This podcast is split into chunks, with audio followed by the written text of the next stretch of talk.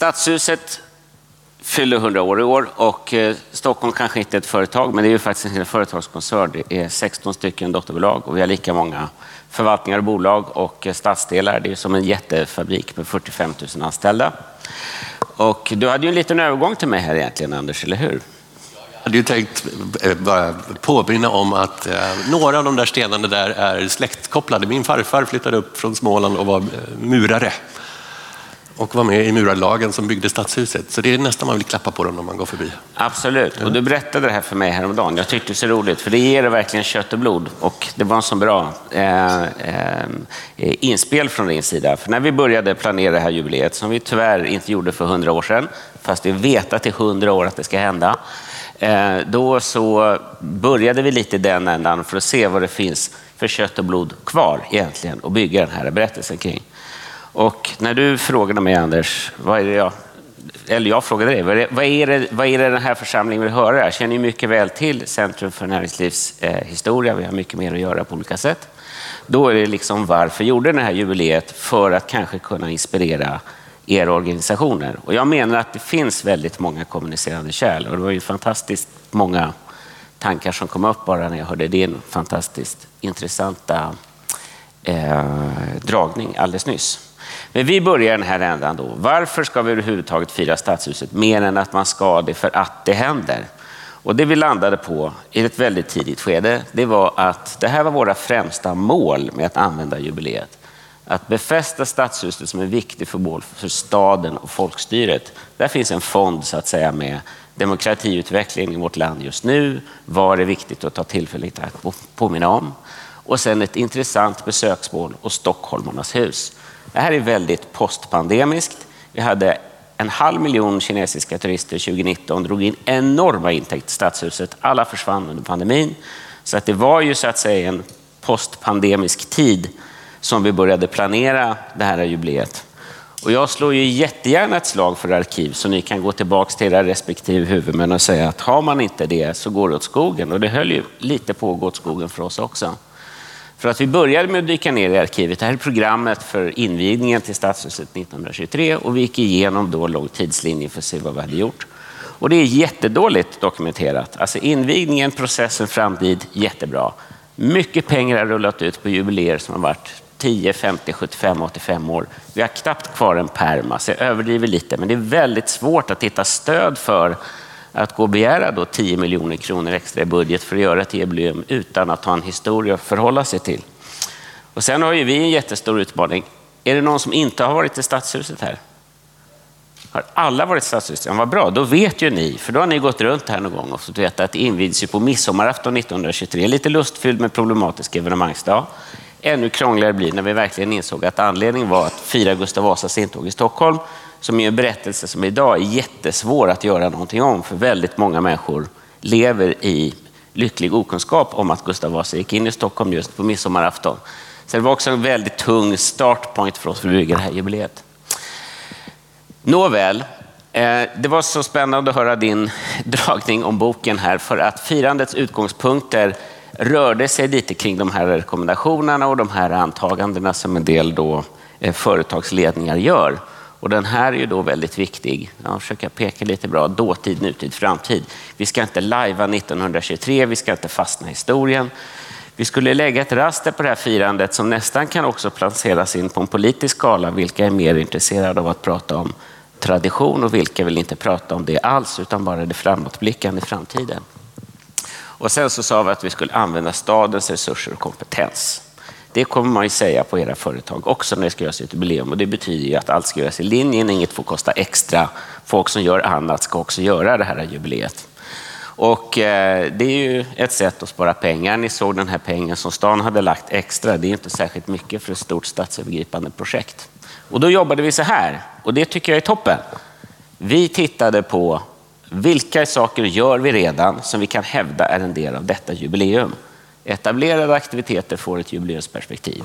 Och sen koncentrerar vi huvudfirandet till en period, i vårt fall en vecka. Vi har gjort kulturstadsår och vi har gjort många stora satsningar. Stockholm har firat 750 och de rapporterna fanns faktiskt kvar i arkivet så vi kunde lära oss av misstagen att försöka göra ett uttömmande jubileum över ett år.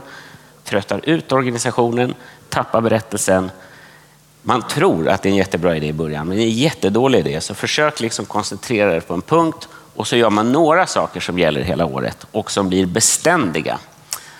Vi samverkar med andra berättare, försöker få andra att berätta vår historia och vi har en dialog med andra jubileer. Och vad betyder det? Jo, det är ett fruktansvärt år att fira 100 år faktiskt.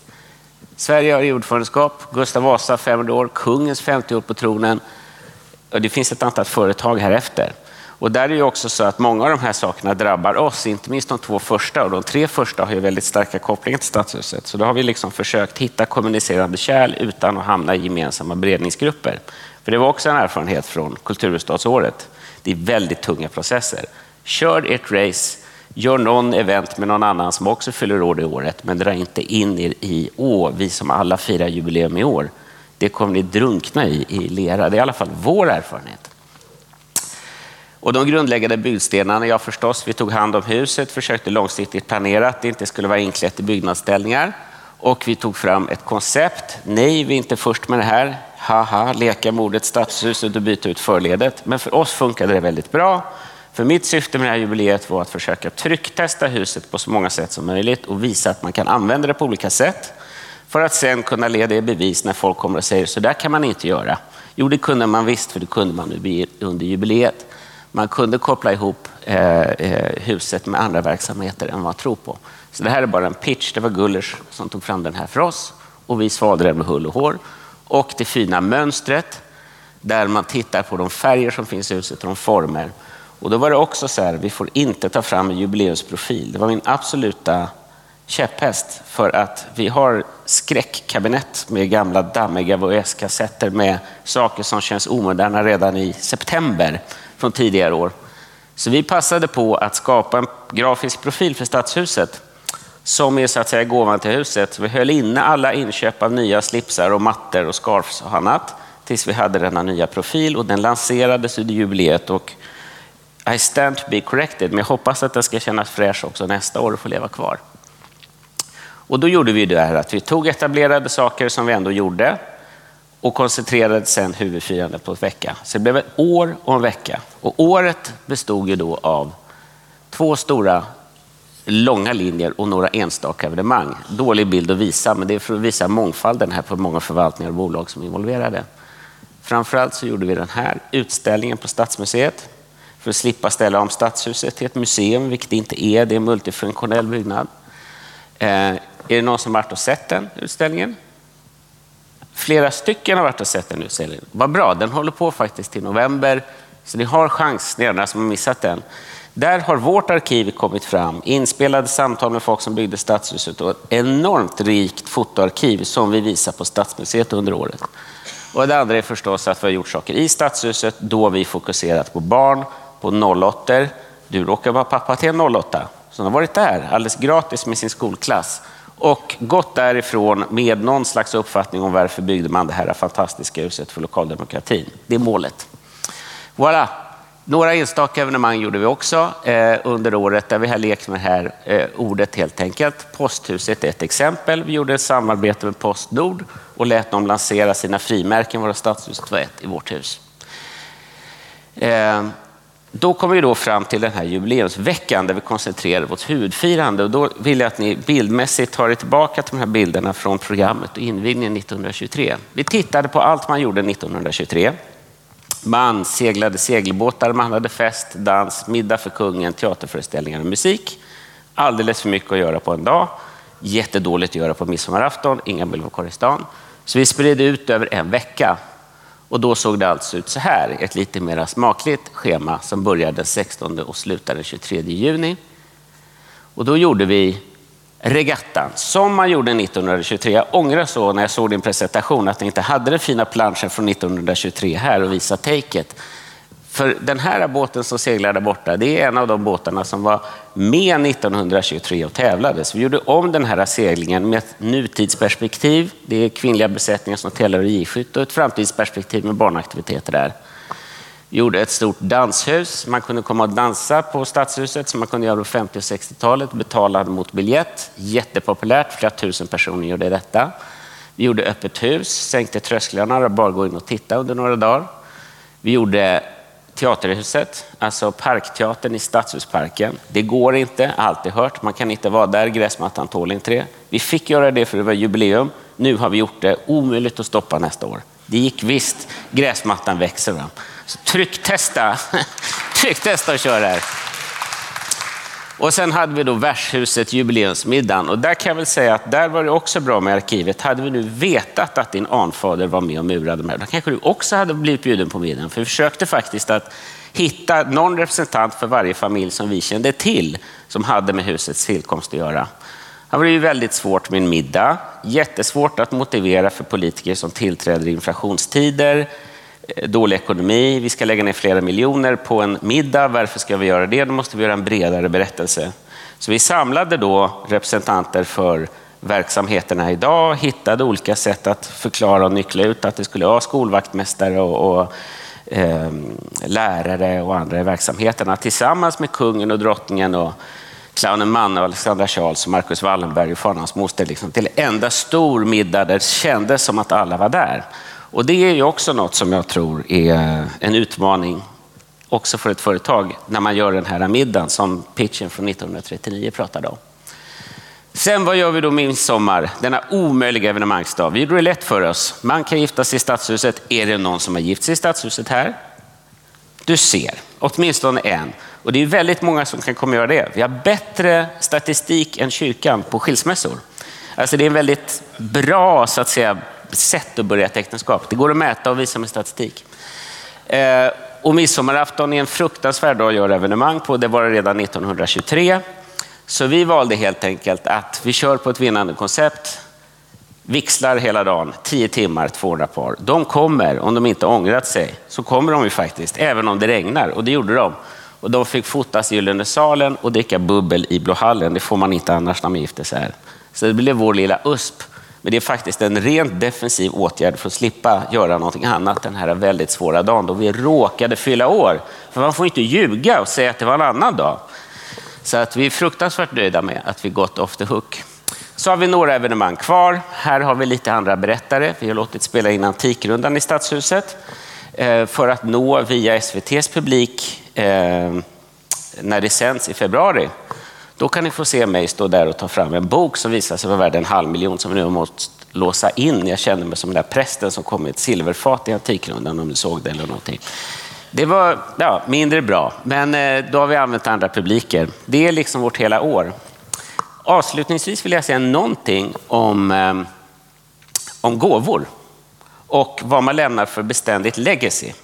För vi bygger nya arkiv med att göra någonting nu.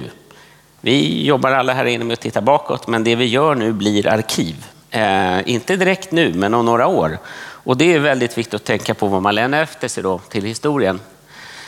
Det finns massa spår i Stadshuset av, det här är de smakligare sakerna. Vi har så gräsliga saker som vi har fått genom åren, som olika länder och andra tycker, här ska ni ha. När Stockholm fyllde 750 år 2002 så kom Svea, känner ni till den organisationen? Det är svenska kvinnor som har en förening i utlandet och gav oss en dalahäst i full häststorlek i grälla färger som stod på borgargården i ett år tills någon ringde och sa snälla Svea, kom och hämta er häst. Vi vill inte ha den. Eh, nu ger man inte så mycket gåvor längre. Eh, det här är olika saker som har tillkommit på 20-talet, den här lilla keruben. Polen gav oss det här textilkonstverket som står och tar massa plats. Och det här gavs av en företagarförening, Murmästarämbetet, på 90-talet, den här kedjan. Så vi försökte vara proaktiva och styra vad ska det bli för spår av det här jubileet längre fram. Vi definierade faktiskt ungefär vad vi önskade oss. Vi såg lite behov, tillföra lite ny konst, vilket är inte är så lätt för det är väldigt många har beröringsskräck idag med nya konstverk. Man tycker att det är något man gjorde förr. Och det här får vi stolt säga att vi lyckades med också. Ett textilkonstverk där uppe som Wallenbergstiftelserna, K. Wallenberg hade stor betydelse för eh, husets tillkomst. Hans byst av Karl Eld ser ni uppe vid konstverket uppe till vänster. Det blev en donation, det kom på plats. Ett konstverk som staden köpte själv som kronprinsessan avtäckte. Och den lilla ämbetskedjan som överkommendanten i Stockholm Mikael Claesson, eh, generalen, överlämnade det kommunfullmäktiges ordförande som han kan ha i representativa sammanhang. Vi hade önskat oss en sån väldigt länge. Men det är politiskt självmord att köpa en sån åt sig själv, så den måste man få som gåva. Sen vill jag säga det här, för det är jätteviktigt för er. Här då går presidiet i Stockholms stad ut och planterar perenner på Ragnar Östbergs grav, arkitekten, den dagen. Och det är fint så, det blir en bild. Då går kommunfullmäktiges ordförande tillbaka, inleder det KF-sammanträdet som är på kvällen där. Och sen säger han, idag har jag varit och planterat perenner i, eh, eh på Ragnar Östbergs grav. Vi har tagit emot det här konstverket från Wallenbergstiftelserna. Hela veckan så har vi haft en regatta, vi har haft teater, det har varit öppet i Stadshuset, man har fått gå in här också allmänhet. Vi har haft servering på gården och massa saker som har varit helt spektakulära. Det säger han i KF-sammanträdet. Det sitter stenograferna och skriver ner. Det ligger i ett väldigt beständigt arkiv. Det försvinner inte på någon hårddisk som byts ut. När någon öppnar upp böckerna och märker oj, vad finns det för spår kvar? Då har han sagt det, då kan man leda i bevis. Så här gick det till. Och det var en helt medveten handling av oss och ordföranden att skapa arkiv i det vi gjorde och veta att det här arkivet det kommer leva kvar, för det är faktiskt ett kommunalt eh, sammanträde. Det tyckte jag var en bra poäng att lyfta fram. Nu har jag säkert pratat för länge. Eh, så hette jag visst och här är mitt telefonnummer. Tack så mycket.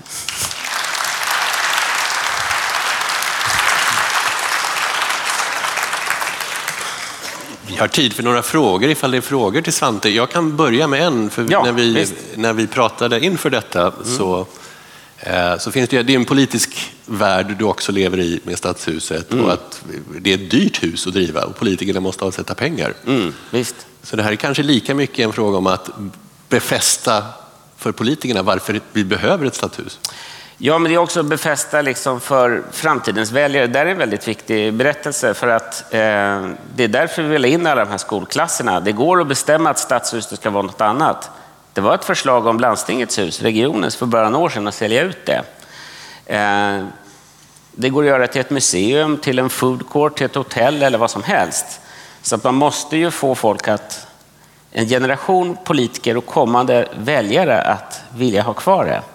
Vi pratade igår när vi såg några stycken om det här med regattan, de här gamla båtarna. Varför gjorde vi det och vad kopplingen till huset? Ja, förutom att det hände för hundra år sedan, det var en kul grej igen och jag gillar båtar, så är det ju också så att om du har en gammal båt som du ska ta hand om, eh, det är jättemycket dyrare, tar mer tid och pengar än att köpa en, en plastbåt till exempel. Och det är ju samma sak, det är mycket billigare att sitta i ett annat hus än stadshuset.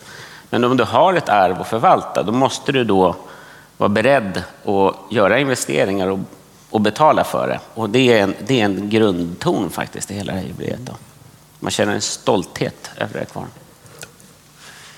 Hade vi några frågor? Ja, trevligt.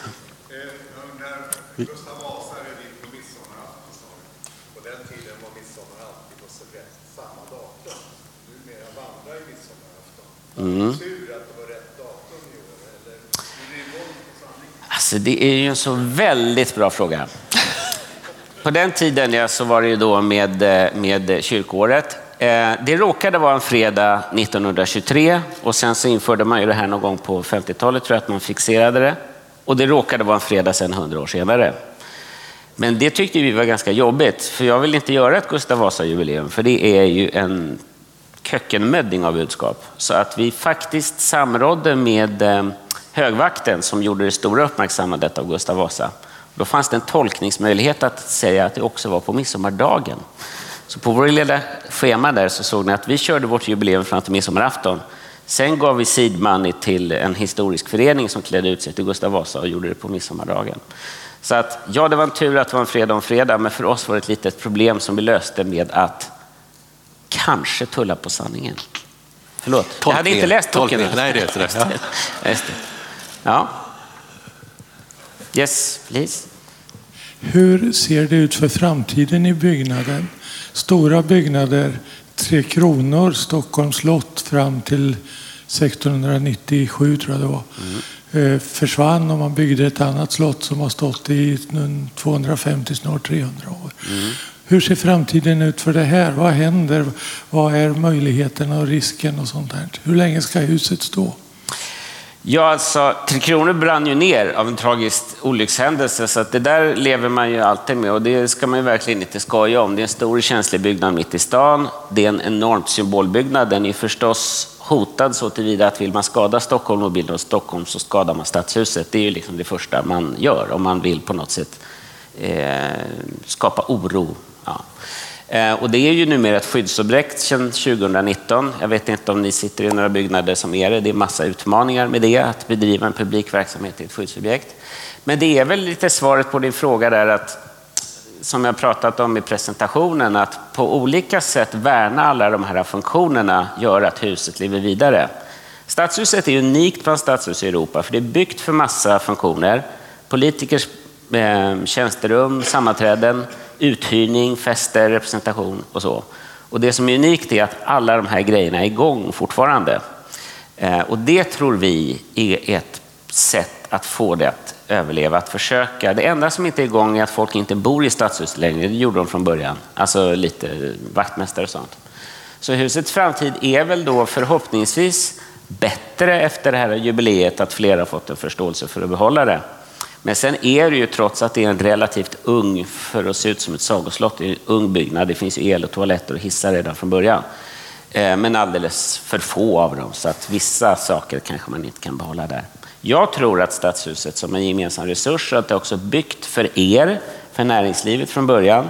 Norstedt firade 100 år där som första kund 1923 och firade 200 år där nu i början på året. Eh, så tror jag att det har goda förutsättningar att leva kvar. Om vi fortsatt ställer det till förfogande för er och andra också. Ni kanske ska fira 50-årsjubileum där. Jag hyr ut Stadshuset också. Så att, eh, vi kan snacka sen. Mm. En sista fråga. Bartosz hade den där.